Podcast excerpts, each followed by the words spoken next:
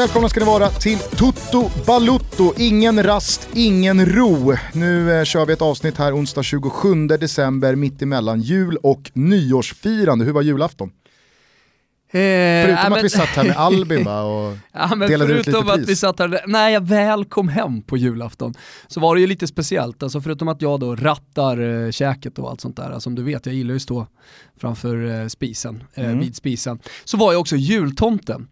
Det, vi har haft en jultomte nu under några år, mina barn tror fortfarande att han finns. Tomtenissar och tomtevättingar och allt sånt där. Eh, och, men nu fick jag ett ultimatum med en vecka kvar, eller om det var bara några dagar kvar innan julafton, från då eh, våran tomte, en gammal barndomspolare. Han sa, jag gör det i år också på ett villkor. Att du kommer till Kungsholmen och kör tomte med mig. Så hela min julafton var ju liksom bara laga käk, stressa iväg eh, och ja men du vet, damma iväg till, till Kungsholmen, tomta i Kungsholmen och sen komma hem sent på kvällen. Så det, var, eh, det, det var speciellt men eh, roligt. Ja. Och ge barn eh, lycka. Det är det det handlar om nu för tiden. Exakt. Men vad fan, eh, det har ju inte varit någon paus i fotbollen. Idag till Nej, exempel så... jag, jag, jag ska bara säga det, men jag, jag hann ju, hann ju bli pruttfull lite senare mot kvällen. Ja, Ja, men det, ja. Jag är inte chockad. Är inte chockad. Ja men det är ju härligt, alltså det finns ju ingen dag där det är så mysigt att bara sitta med en typ en äggtoddy, ett glas vin eh, och lyssna på julmusik liksom sådär. Man, man är aldrig så harmonisk som man är eh, sent på julaftonskvällen. Nej, och kanske... En gång i tiden så åkte jag till eh, Avenyn i Södertälje och gick ut eftersom jag är från Rönninge. Avenyn. Ja, Avenyn i var- Den lite, den lite mindre kända Avenyn. Exakt. Inte den i Göteborg utan Men har ni chansen Södertälje. så är det fan en shoutout för Avenyn i Tälje. Det var ett tag sedan jag var där, men, men testa det på julafton, det är kul. Ja. Alltså annars känns ju eh, liksom, det känns som en svunnen tid då julen var liksom att nu pausar vi allting, nu eh, går alla i ide och sen så varvar vi igång igen strax efter nyår. Idag snurrar ju liksom fotbollen vidare, det kanske den alltid har gjort men den når ju en på ett annat sätt idag än vad den gjorde för bara 6, 7, 8, 10 år sedan. Eh, vaknade till exempel i morse då, då och, och, åt eh, rykten om att eh, Alexander Axén ska ta över Hammarby. Jaha. Jag har Ja. inte, jag, det har inte jag sett. Nej, men eh, det Har har du varit, messat honom då? eh, Och Ja, jag kollat om messat det stämmer? Jag har messat. Vad sa han då? Nej, jag har inte fått någon svar än. Så att, eh, Vänta här nu. Är tystnaden uh, här då ett svar i sig, som man brukar säga? ja, jag vet inte. Alltså jag är ju ingen journalist, så jag, liksom, jag känner mig ju Nej men lite... du kan din eh, relation till uh, Alec. Ja, absolut. Men jag kände mig lite smutsig när jag liksom då, jag, jag messade honom inte god jul. Men nu, 27, då messar man på morgonen. Tjena gubben, hur är läget? Du, eh, ligger det någonting i det här med Bayern eller? Vad fult Ja, exakt. Och så, Fan, och Hur så, kan du och så, skamlöst dra ur dig en, ett sånt mess?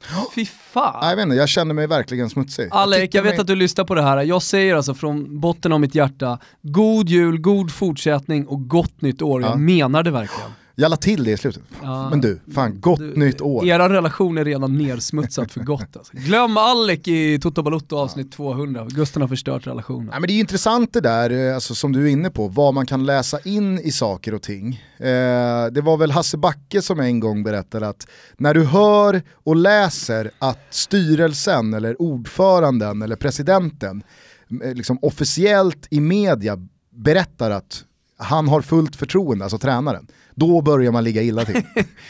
Jag Så trodde, länge- jag trodde länge- du skulle berätta eh, när, när Hasse Backe en gång sa, det finns inte en möjlighet. Det finns inte en möjlighet. Nej, men, eh, det var ju lite kul att, alltså, så här, att han uttryckte så att när det, när det väl börjar uttryckas officiellt från styrelsehåll eller ordförandehåll att nej men eh, tränaren har vårt fulla förtroende, då vet man att då börjar man ligga riktigt dåligt till. Jag ser ju bara framför mig här då en, ett radarpar i Alec och Jasper Jansson i Hammarby. Det är ju... Ja, det är såklart att det är väldigt laddat i och med att eh, Axén har den relationen han har till framförallt AIK, men då också till AIKs antagonistklubbar, eh, en av dem Hammarby. Och jag vill minnas att Alec var ganska tydlig när han Vet vad, satt vi hos gör? oss. Att, Vet, vet vad vi gör? Nej. Vi lyssnar på vad Alex sa när han får frågan om Ja. att träna andra klubbar i Sverige. Här kommer ju en rolig fråga för att det är Alexander Axén som sitter i stolen. Är du tatuerad? Ja, man kan kalla det födelsemärke. Eh, är det din enda tatuering? Ja. Det här är ju kanske fotbollssveriges mest omtalade tatuering. Ah, Fredrik Ljungbergs mycket märkliga pumor som kommer upp ur kalsongerna. Var, de hittar vi ju inte på dig. Nej, det gör vi inte. Men eh, har du ångrat den tatueringen? Alltså, det kan man inte göra. Du Man har alltså inte- AIKs klubbemblem tatuerat? Man kan ju inte ångra inte vet. någonting i sitt liv tycker jag. Man får lära sig av saker bara. Det var kanske inte det smartaste om man ser till mitt yrkesmässiga val. Att när jag är 18 år, på 18-årsdagen åker och gör en tatuering på AIK och man ska jobba med det här. Men jag tror att alla har sett att vart jag än är så jobbar jag stenhårt för mitt lag och eh, vill vinna alla matcher och att, eh, att det är självklarhet att man, att man gör så. Sen diskar man en hel del lag när man har det här nu. Eh, och då är det mest för eh, respekt för supporterna känner jag då. Eh, jag skulle kriga för, för vilket lag jag än tränar, det, det råder inga tvivel om. Men eh, man måste också visa respekt. Vilket betyder att vissa lag är eh, e- egentligen inte att tänka på. Nej det går inte. Djurgården, Hammarby, IFK Göteborg, liksom det, det är nej. De, det går inte. Ja det är ju tydligt. Det är väldigt tydligt att eh, Hammarby Där är kanske vi har dem. svaret då. Ja, och jag tror verkligen att eh, det bara är eh, liksom, det är bluff och, eh, vad, vad säger man? Bluff och bogus där. Eh, jag vet vad jag har pratat eh, om med Alec kring 2018 och jag har väldigt svårt att tro att eh, ett Hammarbyjobb skulle in och rucka på det. Dessutom så måste jag säga att jag har lyssnat och sett och konsumerat väldigt mycket Jesper Jansson senaste tiden. Alltså han har ju varit lite överallt. Det har varit Bajen-poddar, uppesittarkvällar och han har varit hos 352. Eh, Jag missar allt. Ja, men han har ju pratat väldigt, väldigt mycket om vikten av kontinuitet, eh, att de påstådda sprickorna, eller vad man ska säga, mellan eh, honom och Mikkelsen, eller Mikkelsen och spelartruppen, eller att det på något sätt ska ha skurit sig där. Det, det, Men är inte ryktena att styrelsen är på Mikkelsens sida och att Jesper Jansson då skulle inte vara på, på Mikkelsen, att han inte gillar Mikkelsen, eller att det har skurit sig mellan dem. Ja, Det är väl de, det är ju ryktena. vad det än må ha varit så tycker jag att Jesper Jansson ändå har fått ut eh, i alla de här framträdandena att kontinuitet är ett jävla ledord. Och det har ju byggts för 2018 här nu hela hösten. Eh, enda gången man har suttit och känt lite tveksamheter, det var ju som avslutning där när han satt hos 352. Eh, vi kan väl fan lyssna på det också. Eh, David och Hoffman och Björn och Noah är säkert så snälla så att de lånar ut en liten snutt av sitt 352 avsnitt. Eh, för där så Annars tar vi det bara. Annars saxar vi det. Vi saxar det skamlöst också. Nej, men där sår han ett litet, litet frö av eh, osäkerhet, eller vad man ska säga, kring Mikkelsens framtid i Hammarby. Men du, innan vi rundar av då. Eh, Olof Mellberg ryktas ju vara tillbaka, eh, på väg till er, om man får tro eh, i sociala medier. Och Jakob Mikkelsen på väg ut. Eh, eh, hur mycket sanning ligger i det? Nej, ingen alls. Jakob kommer vara tränare när säsongen drar igång 18. Till 100 procent. Va? Det är det vi jobbar på nu. Ja. Okej, bra. Då har vi fått svar på det. Men jobbar på, så det är inte helt säkert. Nej. Det, nu, Men det är klart vi jobbar efter det. Ja. Ja. Det som vi eh, avslutar det här segmentet med, om vi nu inte bara ska, ska, ska jag testa att ringa Axén? Eller? Ja men gör det, gör det.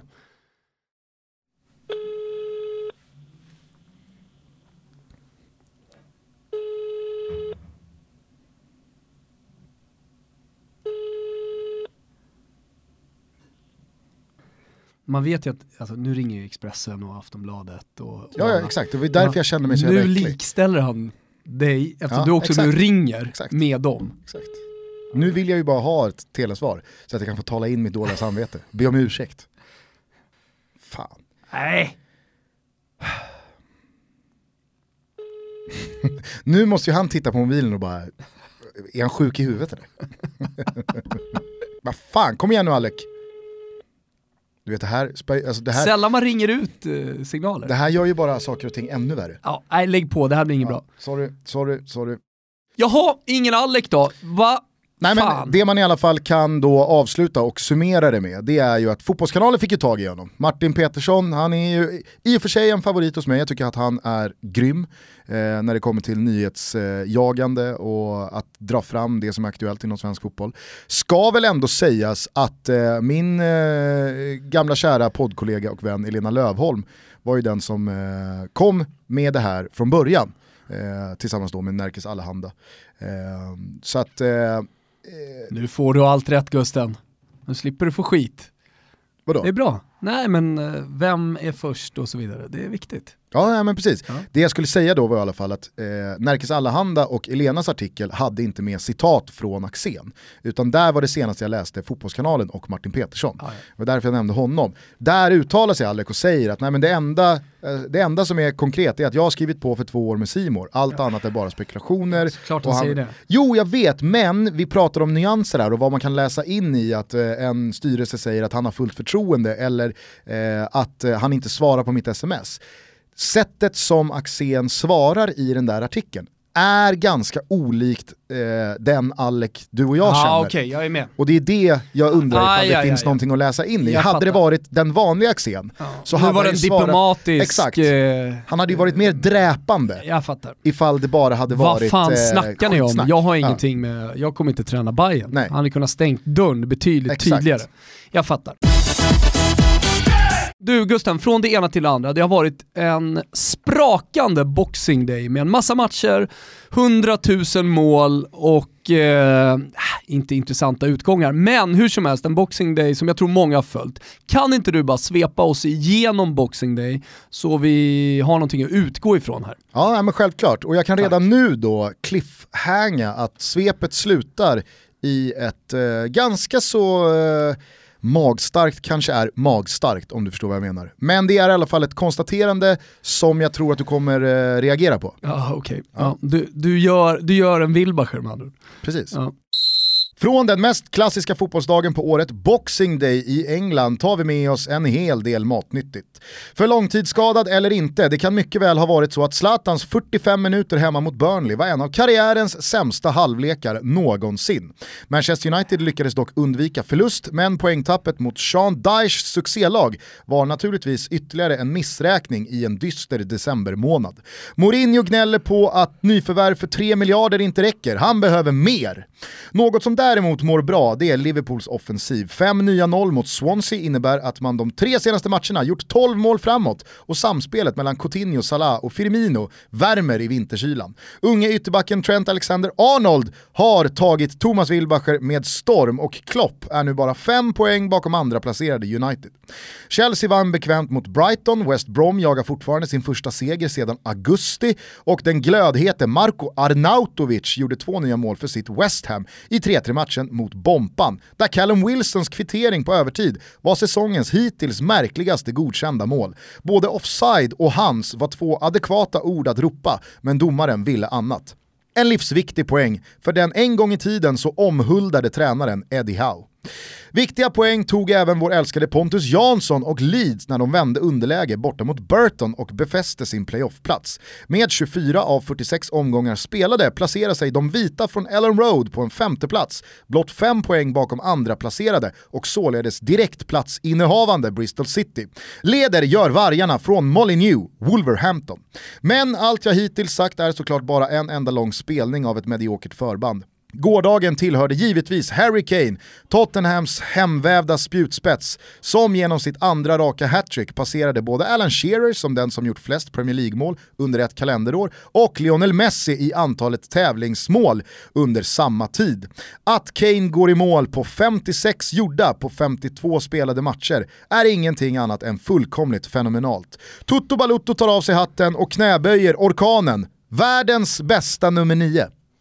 Världens bästa nummer nio, Harry Kane. Där sa jag det. Alltså, är det att sticka ut hakan så jävla mycket? Vilka, vilka, vilka är emot liksom? Om man kollar på säsongen som har varit Mm. så, så är han ju absolut där uppe.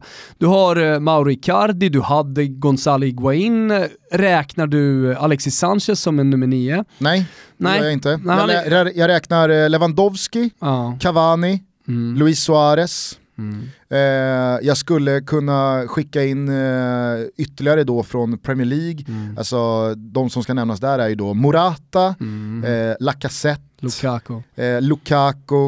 Eh, man skulle väl kunna nämna Manchester City-gubbarna också.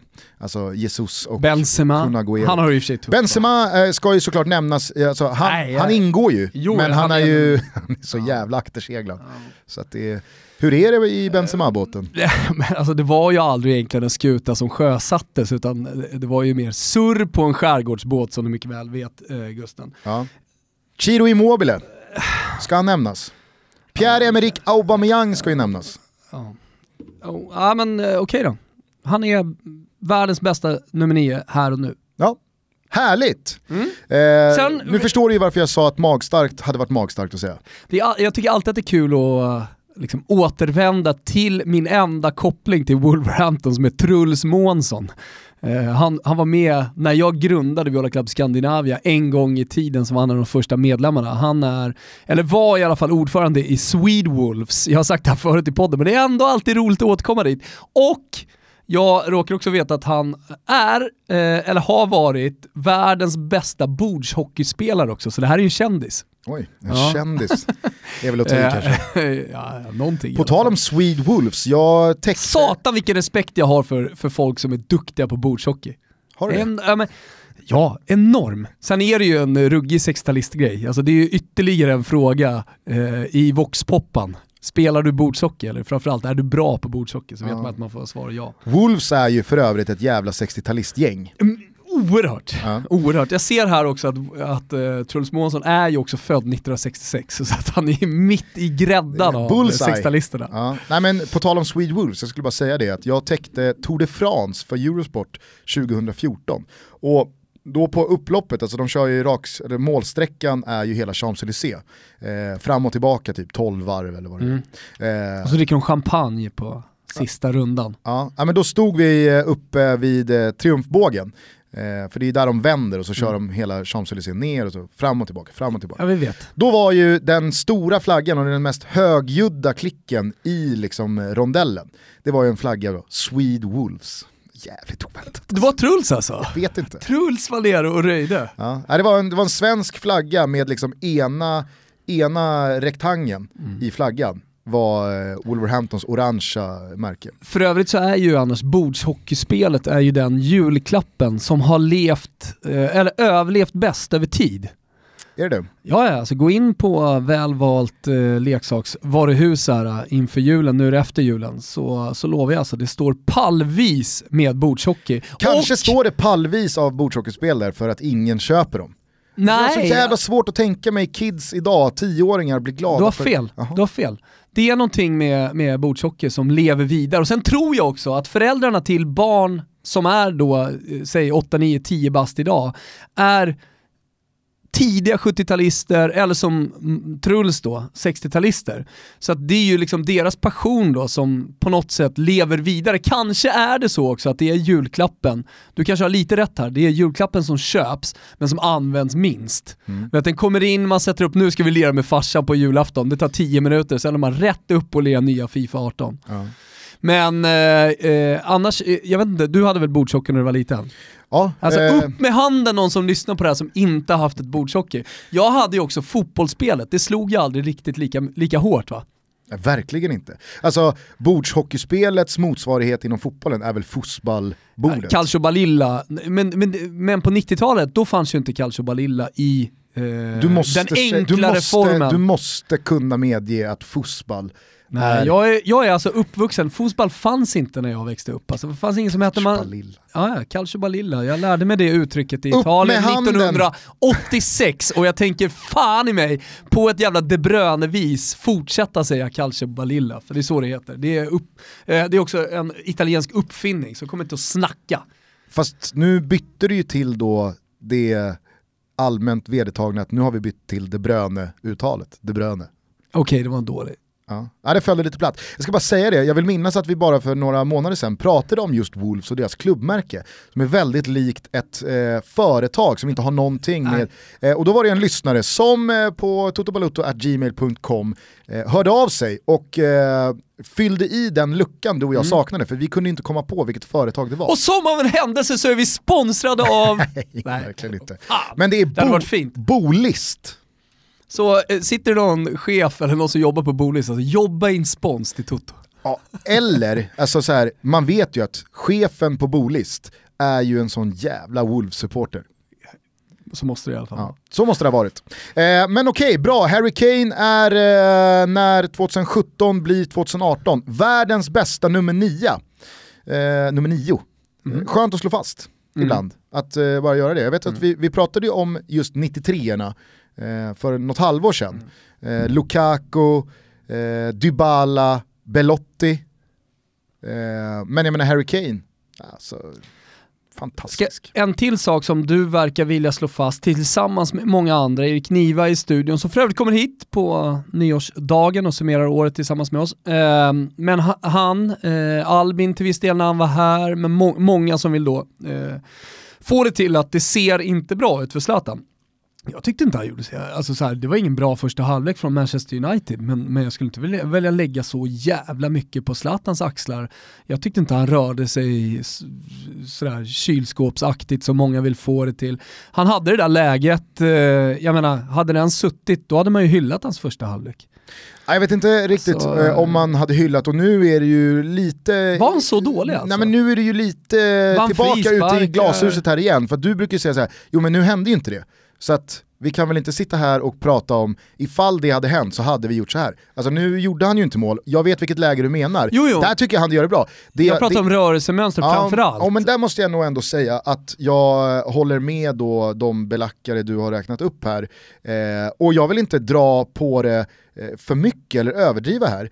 Utan det säger Fast väl- det är det som blir Fast av det, säger väl allt ganska, det här. fast det säger väl ganska mycket också om Zlatans karriär. För jag kan inte, alltså så här, jag kan inte minnas, nu är det självklart så att vi ska väga in eh, återhämtningsperioden och att han har haft en svår knäskada nyligen i bagaget. Eller han har ju fortfarande Måste bagaget. man poängtera och liksom Nej, men jag skulle, det på något sätt? Alltså Nej, det är väl jag- klart, det gör, väl, gör inte alla det? Om man inte gör det, då är man ju dum i huvudet. Absolut, det jag skulle landa i var att det säger ganska mycket om Zlatans karriär. För jag tror, helt ärligt, det här är första gången, förutom mot Estland hemma, när han hade gjort sitt 50 mål i landslaget, som han byts ut i paus. Det håller jag med om, men det har nog snarare bara att göra med att han inte har 90 minuter i sig. Och det var därför jag inte bollade att han gjorde en dålig halvlek. Jag tror faktiskt att hade han gjort det bättre, då hade han plockats vid 60. Ah, det tror inte jag. Men alltså, Men alltså, jag tror de att det är ligger helt under bestämt. med 2-0. Alltså, då kanske det inte riktigt... Jag tror att det här var förutbestämt ja, innan. jag har väldigt svårt men, att tro det. men, eh, men eh, alldeles oavsett om man plockar sig 55 eller, eller 16, jag tror, jag tror det snarare då handlar om alltså, att det var flera faktorer. Dels att det var bestämt innan att han skulle spela kort.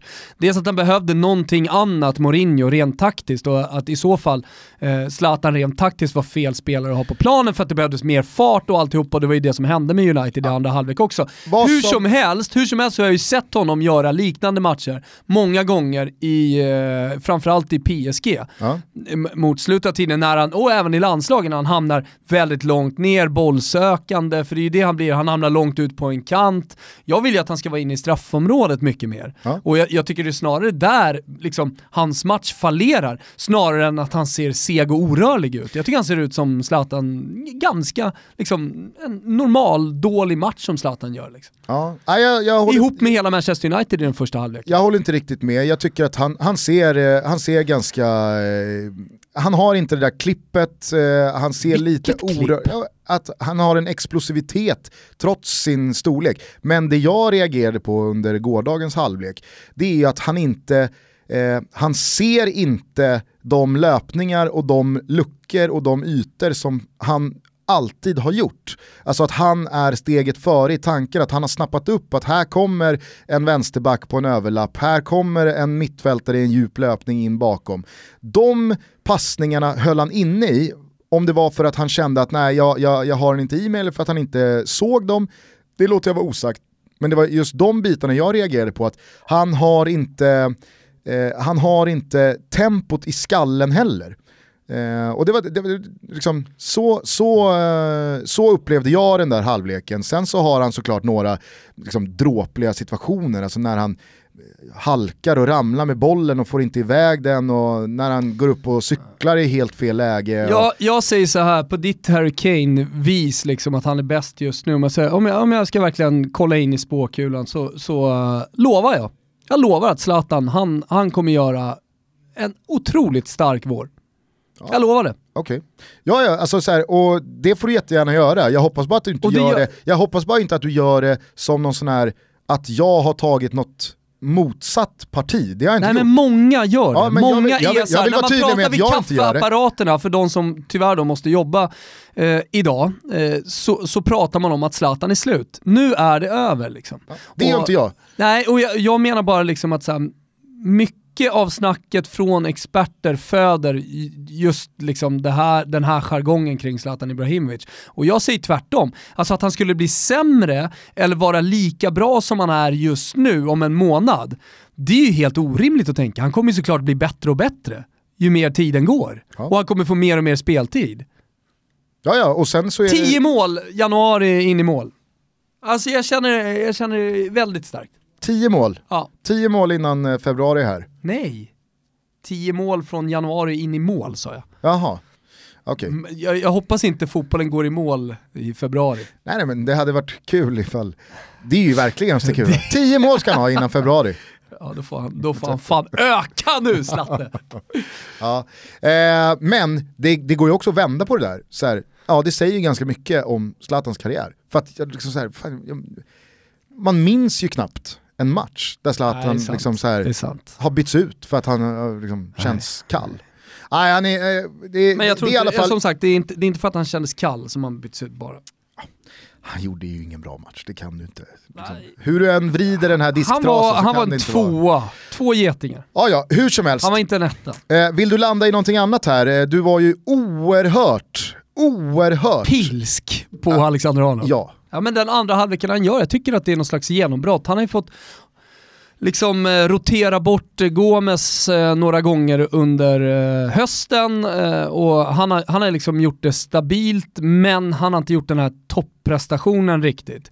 Jag skulle Han gör- säga, ja. jag skulle säga alltså hans genombrott kom väl ändå lite i Maribor. eh, Hoffenheim eh, Jaha. Champions League-kvalmatchen. När han dels då sätter en frispark. Ja, men det är ändå en kvalmatch, alltså, den matchen har inte världens blickar på sig på samma sätt. Precis som vi pratade om, nej, men precis som vi pratade om eh, Lorenzo Insigne. Om att ja, men nu håller han på att göra något slags internationellt genombrott, att folk i andra länder runt om, inte bara calciofilerna, eh, har förstått vilken stor spelare det är. Precis på samma sätt så tror jag nog, trots att vi har ett väldigt starkt Premier League-följe, att igår så liksom landade genombrottet på något sätt. Eller Ja. det, det pikade genombrottet i och med målet, i och med de fina passningarna, det klanderfria försvarsspelet. Mm.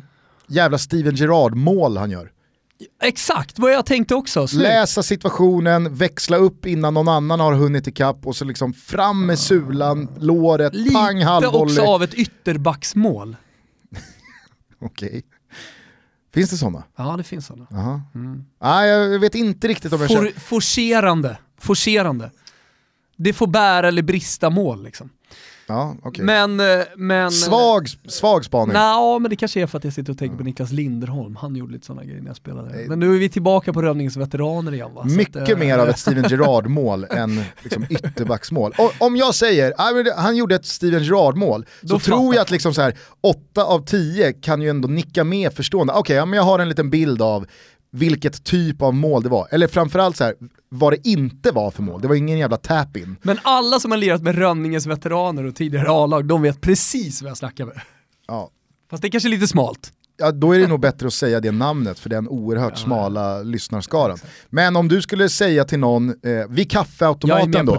Eh, nej, men han gjorde ju ett sånt här ytterbacksmål. vad, vad gör man för mål då?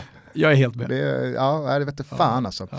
Nej, men det är kul att höra dig eh, ta även eh, små nuggets från den brittiska fotbollen till ditt hjärta. Men det gör jag ofta. Det var ju som så här, jag har suttit hela eh, hösten och varit extremt imponerad av Jack Cork och sen så av en händelse så pratade jag med min eh, engelska svåger eh, om Jack Cork i två timmar.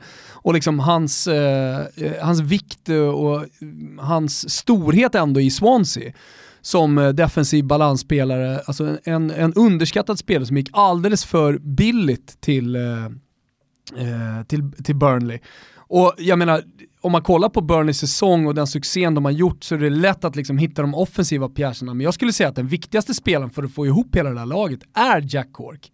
Och jag, jag tycker att han visade i de första 45 minuterna igår i alla fall på, på Burnleys mittfält. Fan, jag började tänka så här, det är en gubbe som har ett större, alltså som har, som har ett Tottenham i sig kanske.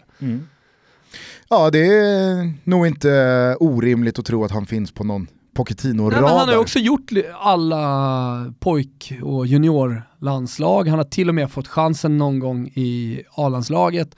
Nej, men han, har, han, har, han har verkligen gått igenom det engelska seriesystemet, han har krigat sig upp, liksom, han har inte tagit några genvägar och jag har sån jävla respekt för spelare som inte tar genvägar också.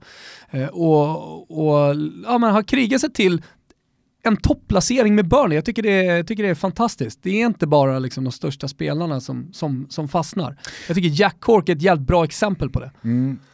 Annars är det ju väldigt smärtsamt att se Swanseas förfall. Alltså det var ju en klubb som kom upp och verkligen tyckte jag blåste liv i Premier League från sitt håll. Eh, spelade den fotbollen de gjorde, eh, Martinez la en grund, Brendan Rodgers tog över och förfinade och det kom fram spelare som eh, visade att även nykomlingar kan komma upp och dansa med de stora. Eh, sen så tycker jag att Swansea egentligen har tagit felbeslut på felbeslut, både eh, vad det gäller spelarförsäljningar och eh, spelarrekryteringar, men kanske framförallt på tränarposten. Sen man valde att fimpa den liksom, gamla klubbikonen Gary Monk. Nu har man ju gjort sig av med Paul Clement, eh, igår satt eh, den fortfarande registrerade spelaren Leon Britton som eh, tränare, eller caretaker. Eh, det pratas om eh, Frank de Boer, att han då ska få upprättelse och en ny chans i Premier League. Han fick ju bara fyra matcher med Crystal Palace. Eh, man har pratat om Louis van Gaal, eh, Tony Pulis har ju gått ut och tackat nej, Niva bollade upp Graham Potter, att jag kan absolut tänka mig att han får eh, i alla fall eh, att han finns med på en radar, kanske inte en konkret fråga. Men alltså, Swansea håller på att gå bort sig fullständigt. För tittar man på det där laget också, det är inte många spelare som känns eh, Alexander Arnold eller Jack Cork spännande. Alltså jag ser ett Swansea med McBurney på topp igår, som fan är Men jag ska säga det, och så här, nu om, vi kallade, om vi kallade. Zlatans första halvlek för liksom dålig, eller ja, ja, det var en svag prestation, alltså McBurneys dryga timme, det är nog fan i mig bland det trubbigaste jag har skådat en spelare uträtta på den nivån. Jag ska säga det bara, Alexander Arnold, är ju ett genombrott i Liverpool, i ett topplag som har kommit som en blixt från en klar himmel. En spelare som är omhuldad och, och som man har pratat om, en talang som man har pratat om inom den engelska fotbollen som man har väntat lite på. Jag menar Jack Cork är ju spännande på ett annat sätt. Han är ju mer då av en late bloomer, som jag tycker är också på något sätt befriande att det fortfarande finns möjligheter att göra den formen av, eller att bli, som du säger, spännande trots att man är 27 bast. Mm. Men sen så tycker jag att det finns flera exempel på att eh, det, liksom, det är fel på klimatet i en klubb. Jag vägrar ställa upp på de som menar att, ja men kolla på Renato Sanchez, han är en bluff. Alltså, man är ingen bluff om man gör det Renato Sanchez gjorde i Benfica, det han gjorde med Portugal under EM, att Bayern München slantar upp de pengarna de gjorde. Alltså, det, det är ju det är klart att det aldrig bara är upp till spelaren hur bra det går. Det, det handlar ju jättemycket om vilken miljö du kommer till, eh, hur, hur laget mår. Sen så är jag också eh, självklart eh, tidig med att säga att Renato Sanchez har varit en besvikelse. Ja. Men hade du satt Renato Sanchez, låt säga då... i Stor ett, skillnad på bluff och besvikelse. Exakt. Eh, Alltså kolla, på, kolla bara på Manchester United för att göra en annan jämförelse. Alltså, eh, Mourinho är ju dålig med de offensiva spelarna, tyvärr så är det ju så. Kolla på Mkhitaryan. Det är klart inte han heller är en bluff, han passar inte in i Mourinhos spel. Mourinho kan inte liksom fixa max från Mkhitaryan, tyvärr. Om du jämför då med till exempel eh, Pep Guardiola, som verkligen lyckas med just det med de offensiva spelarna. Ja.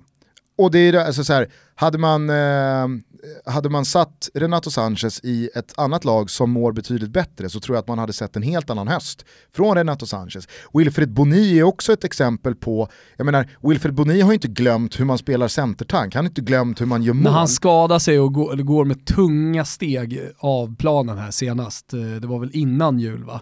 Man ser de här enorma jävla låren.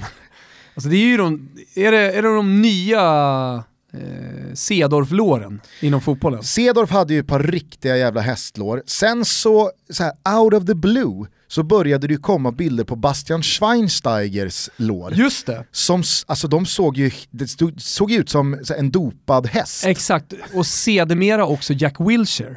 Ja, Jack Wilshere Som har... har rehabbat de där låren i tio år liksom. Ja, men Bastian Schweinsteigers ben, de lämnade ju ett tomrum efter sig i toppfotbollen. Satan vad man gillar Jack Wilshere. Och man känner nu finns det fortfarande tid kvar att komma tillbaka till toppen och han har gjort det jättebra senaste månaden.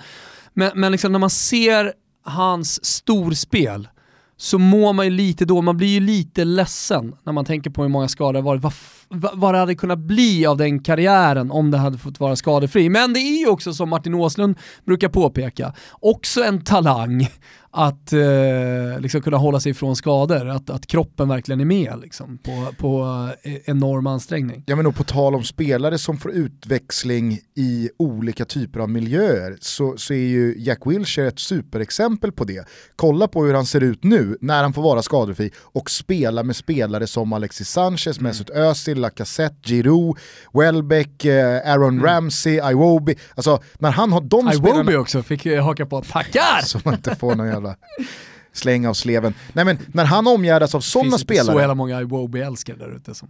när han det. omgärdas av sådana spelare, ja men då ser man ju, då finns det ju två växlar till i hans låda. Kontra då mot förra säsongen när Wilshire var utlånad till Bournemouth Mm. och höll sig ganska skadefri och spelade kontinuerlig fotboll. Men då hade han spelare som Afobe och Joshua King och Stanislas och alltså ganska så mycket mer mediokra spelare än de jag räknade upp från Arsenal-håll här nu. Och det är ju också en faktor i hur mycket man får ut av en spelare. Jack Wilshere är ju lite av en sån här, alltså han har ju Teddy Lucic eh, förmågan. Sätt honom i Real Madrid.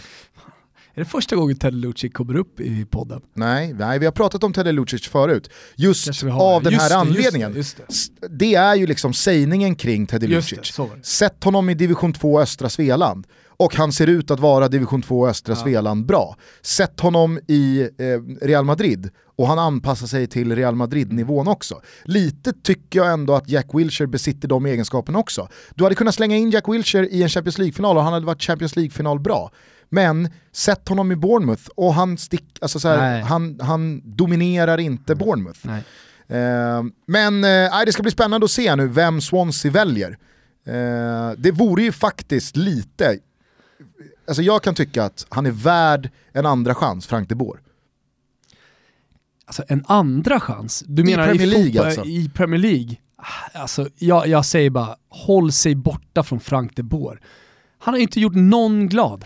Men han fick ju fyra matcher Ja, på sig. Fyra matcher på sig, han har varit ett misslyckande var han än har kommit. Kolla vad han gjorde i Inter liksom. Vad fan vill ta i Frank de Boer? Nu ska han dessutom vara någon slags, eh, Eh, jag ska inte säga interim då, för gör han succé i Swansea och lyckas eh, rädda kontraktet, ja då är det klart att han får vara kvar. Eh, men så här mitt i säsongen, styra upp ett lag. Frank de Boer har ju varit en eh, era-startare. En som man tar in som ska bygga någonting och han har visat sig misslyckas. Eller så är det bara så att, ja fan, Frank de Boer, han är en ny Sam Allardyce. Han ska bara rädda lag resten av sin fotbollskarriär. Fan vet jag. Ja, nej, jag vet inte, jag kan tycka att det här, jag kan tycka att det här Crystal Palace-debaclet, det blev ju orättvist betungande för De Boer. Ta in Mats Sarri, det hade varit bra. Vi är sponsrade av Betsson. Tack så mycket Betsson. Mm. Det var ju riktigt nära på våran specialinsatta eh, Boxing Day-trippel. Föll på Derby. Föll på Derby som eh, kryssade, annars så var ju målkalaset mellan Bournemouth och West Ham eh, otvivelaktigt och att eh, Liverpool skulle slakta Swansea. Det kunde ju även en blind höna se. Eh, men men, vi fortsätter ju såklart och eh, det är ju eh, väldigt trevligt att eh, den, det den här säsongen är Serie A hela vintern. Mm. Inga Vi- uppehåll där inte. Vi har ju fått eh, se lite Coppa Italia nu under, under julen, ingen julledighet och sen så då Serie A innan eh, året är slut. Mm. Så att eh, nya Toto-tripplar här nu till eh, nyårshelgen och jag kan börja i Italien faktiskt där jag tror att Juventus bara kör över Hellas Verona. Hellas har ju tagit eh, en hel del poäng här nu sista tiden och distanserat sig lite från jumbon Benevento och det är såklart inte mot Juventus man eh, ska ta ytterligare poäng, det tror jag man själva vet. Juventus däremot, ja de har ju fått upp ångan ordentligt, jag tycker de ser väldigt bra ut eh, och när den maskinen väl har börjat eh, trumma igång, ja då kommer såklart inte Hellas stå i vägen. Jag tror att Juventus vinner med två mål eller fler borta mot Hellas. Sen så tror jag att på målkalas då igen eh, med Liverpool inblandat, nu kommer Leicester på besök till Anfield, Leicester som oavsett motstånd alltid är kapabla till att göra mål med Vardy och en formtoppad Ja, Riyad Mahrez. Superformtoppad. Men det är såklart i hemmalaget eh, jag räknar med minst tre kassar. Eh, Coutinho spelade hela matchen här senast mot Swansea, men man plockade av Salah och Firmino med eh, kvarten 20 kvar, alltså tror jag att de kommer starta och dessutom vilade Sadio Mané hela matchen. Så att, nej, det är en Liverpool-offensiv som kommer fortsätta smattra och jag tror på över 3,5 mål mellan Liverpool och Leicester. Och sen så avslutar vi med våra polare i Leeds. Det är ju nämligen så att eh, Leeds går som tåget och nu möter de Birmingham, jumbon i Championship som har vunnit, håll i er nu, en match sedan mitten av oktober. Och det är ju liksom... eh, Benevento-nivå. Ja, alltså faktiskt, för att man måste ju liksom dubbla eh, antalet matcher i Championship. Så att inte ha vunnit på två och en halv månad i Championship, det är som att inte ha vunnit på ett halvår i Allsvenskan. Eh, så att eh, Birmingham kommer inte kunna stå emot Ponne och gänget, utan eh, Leeds tar en ny trea i jakten på Premier League. Ja, lite rappare från mig då eftersom du är alltid så långdragen Gugge. Jag tror på tre stycken eh, favoritsegrar. Roma vinner med två hemma mot eh, ett uselt, eh, uselt Sassuolo. Eh, jag tror också att eh, Inter eh, piskar dit Lazio som jag tycker ser betydligt mer mediokra nu, haft en del skadeproblem också på slutet. Och slutligen så vinner Sampdoria hemma mot Spal. Spal vassa på hemmaplan, problem på bortaplan, Sampdoria otroligt starka på Marassi den här säsongen. Så där har ni en liten favorittrippel att sitta med och planera nyårsfirandet. Härligt, eh, ni hittar dem som vanligt under godbitar och boostade odds på Betsson.com. Insatsen är 148 kronor och vi slänger givetvis in ett Fifa 18 som kicker. Ja! Vi kan stänga Boxing Day-fotbollen med det och eh, istället vända blickarna mot eh, La Scala di Calcio va? Jag tror inte att det är speciellt många här hemma i Sverige som sitter och funderar på att det är Milano-derby ikväll. Det är, det är cupmatch, det är kvartsfinalen i Coppa Italia och eh, vinnaren ska möta Lazio som slog ut Fiorentina igår. Eh, men, och så satt jag och funderade lite inför den här podden på så här, hur liksom, får man ett derby levande i Sverige 2017? Ett derby som dessutom bara är Coppa Italia, som inte sänds någonstans. Hur får man folk liksom att kasta sig på den här matchen? Då tänkte jag det kanske är bra att vara lite nostalgisk. Så jag letade lite i eh, min eh, eh, historielåda och hittade då ett, eh, det finns ju många derbyn som man minns, men hittade ett derby från 1977 och tänkte så här, jag skrev en liten jultext som jag, som jag läser och så får vi se då om du Gusten, om du blir taggad inför den här matchen. Ehm, trots, det att, trots att det är 40 år sedan. Okej, ja. 40 år sedan. Men hur som helst, här kommer det, så får vi se. Ehm, och den har en liten rubrik då den här. Det är “När Sandro Mazzola tog farväl av fotbollen citerandes Dante”. Är du taggad på rubriken? Alltså, framförallt så ömmar jag lite för dig, för att nu ställer du ju upp dig själv för arkebusering här. Okej, vi får se. Så här låter det i alla fall. Året var 1977. Italien kokade. Inte bara på grund av den stekande solen som fick ett helt land att gå på halvfart. Rädslan regerade på den Apenninska halvön. Det var ekonomisk kris, Brigate Rosse härjade, maffiamorden var fler än någonsin, rånvågen hade utvecklats till en tsunami och studenterna invaderade piazzorna beväpnade med molotovcocktails mot poliserna. Det var 1977 och Milan skulle möta Inter i Coppa Italia-finalen på San Siro. Två viktiga fotbollshändelser dominerade tidningarna den dagen. Juventus hade precis vunnit sin första europeiska titel efter att ha besegrat Athletic Club de Bilbao i finalen. Den andra, Sandro Mazzola, skulle stänga sitt skåp i omklädningsrummet för gott. Derbyt mot Milan skulle bli hans sista match. På andra sidan, i rödsvart, stod hans goda vän, geniet Gianni Rivera. Han Sandro Mazzola alltså, med sin murriga mustasch i vit intertröja och svarta shorts. Det hade varit en misslyckad säsong för båda Milanolagen. Milan hade nätt och jämnt hängt kvar i högsta ligan och Inter hade trots höga förväntningar bara slutat fyra.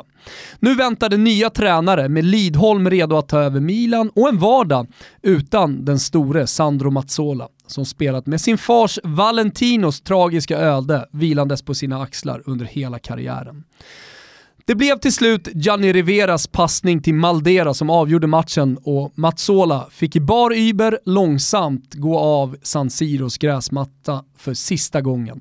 565 matcher hos Inerazzurri, 160 mål sedan debuten 1961. Journalisten Beppe Viola fick den sista intervjun när Mazzola vandrade med tårfyllda ögon mot San Siros innandöme. Är detta verkligen din sista match, Sandro?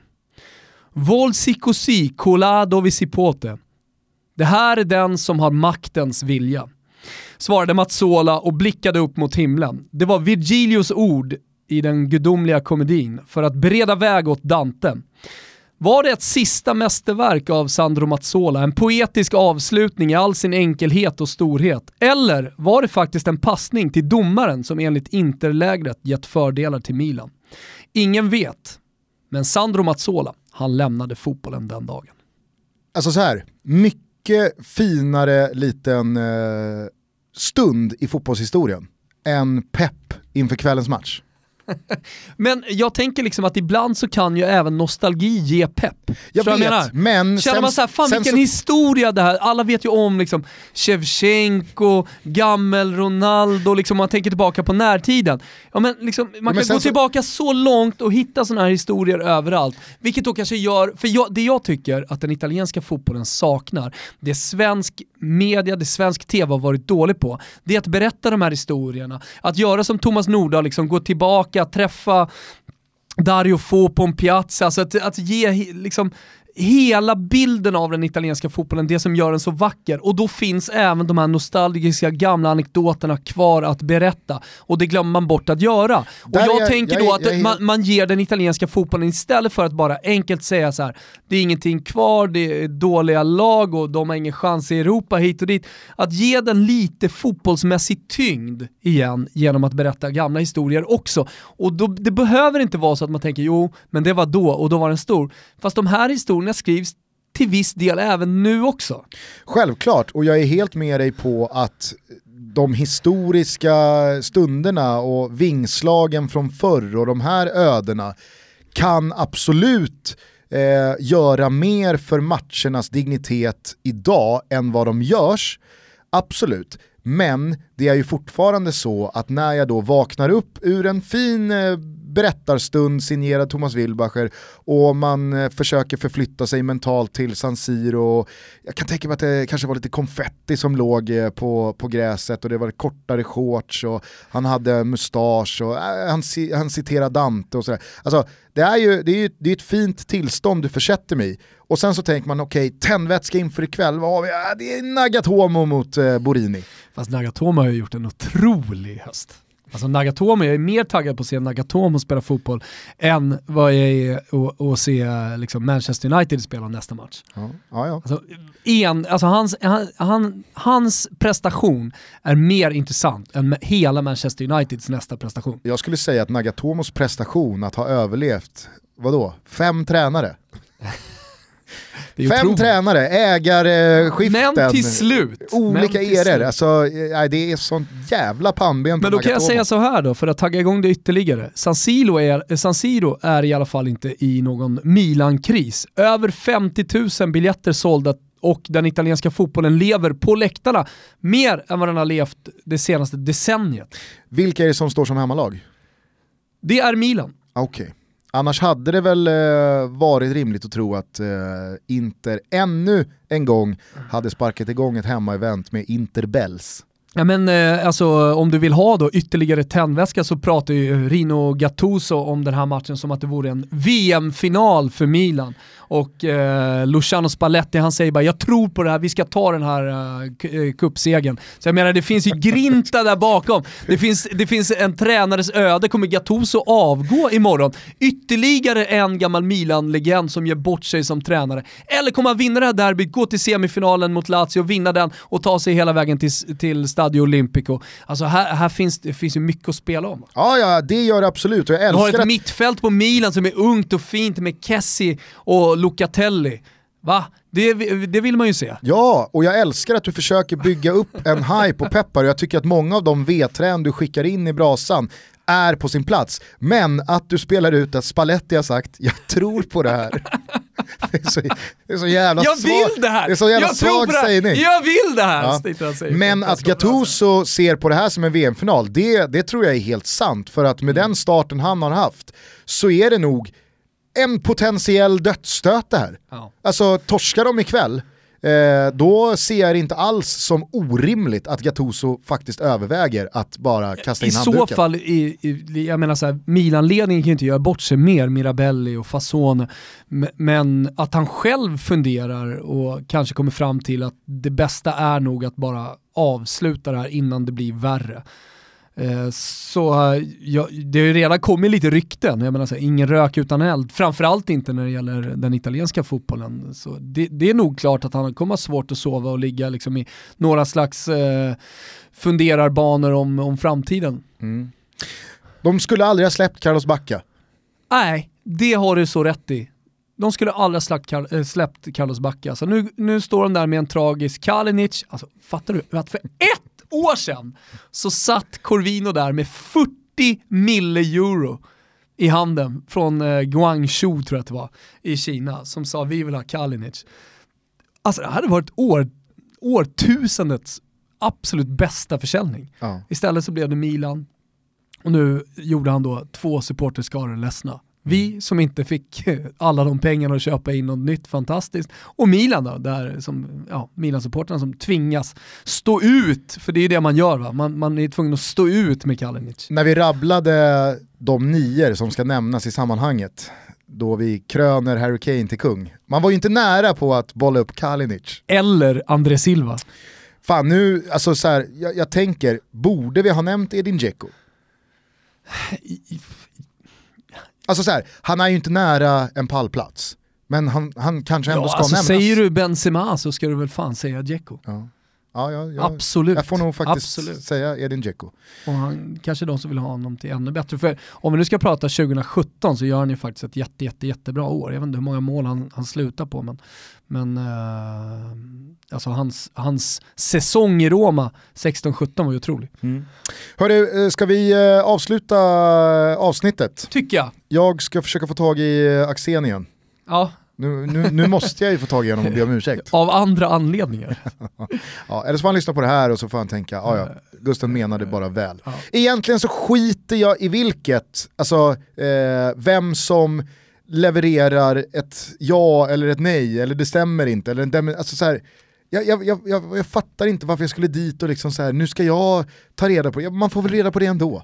Exakt. Ja, man får reda på Jag det sa ju det i något läge, efter hela den här Albin Ekdal till Hamburg-historien, då la jag bara ner. Det var jag som sa det till dig, att du måste lägga ner det här. Ja. För det är liksom, i, I slutet av dagen, om du är den som Jo, levererar, jag här- Albin Ekdal går till Hamburg, du får ett, okej, Jo, fast det hade ju kunnat bli Roma, det hade kunnat bli PSG och så vidare. Alltså, grejen var att man vill ju inte avsluta ett pågående arbete och jag var ju på den. Liksom. Jag var den enda som pratade med Klette, jag var den enda som pratade direkt med Albin under den tiden. Och just då så var det den hetaste sillypotatisen. Just där och då var det det. Sen så föll det lite platt, men vad fan. Vi får väl se ifall vi kan baka någon het sillypotatis med en av Sveriges mest framstående agenter, nämligen Patrik Mörk. Han kommer till Toto Balutto-studion eh, eh, bara några dagar in på 2018. Och har lovat att öppna anekdotlådan. Och där finns det grejer. Ja, Där finns det grejer. Så att, eh, det ska bli kul.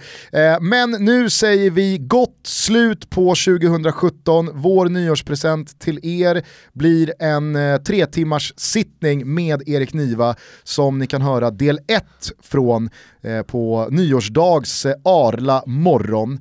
Eh, tack för i år allihopa som har lyssnat, tack alla ni som hör av er, tack alla ni som skickade in bilder på vad ni fick under granen i form av Toto Balutto-tröjor och sa så snälla och fina saker om oss. Vi älskar er allihop och mitt största tack till dig då Thomas för i år. Detsamma Gusten. Och till superproducent Kim Wirsén. Ja, och stort, stort tack till er också, framförallt eh, skulle jag vilja säga till alla lyssnare. Eh, fortsätt hålla igång Vintertutto, jag älskar hashtaggen. Och vi har bara några dagar på oss innan bössan stänger, Musikhjälpen. Glöm inte bort den, vi vill så gärna nå en tionde plats. Vi behöver i runda slängar 150 hundringar till. Gör ett yttersta, se till så att vi eh, kan skänka en stor summa pengar till barn som behöver hjälp. Precis, och eh, ni vet ju vid det, Det här blir en laget. bra avslutning att boosta den här bössan de sista dagarna på det här året. Och ni vet ju vid det här laget eh, vilka tröjor som finns i potten. Men jag kan leverera en eh, härlig liten eh, nyhet att eh, utrikeskorrespondent Daniel Larsson, han slängde in inte mindre än tre signerade Oj. tröjor. Så att eh, ja, det, det där prisbordet bara växer. Köp en lott, de kostar 100 spänn styck och ni hittar bössan via våra sociala medier.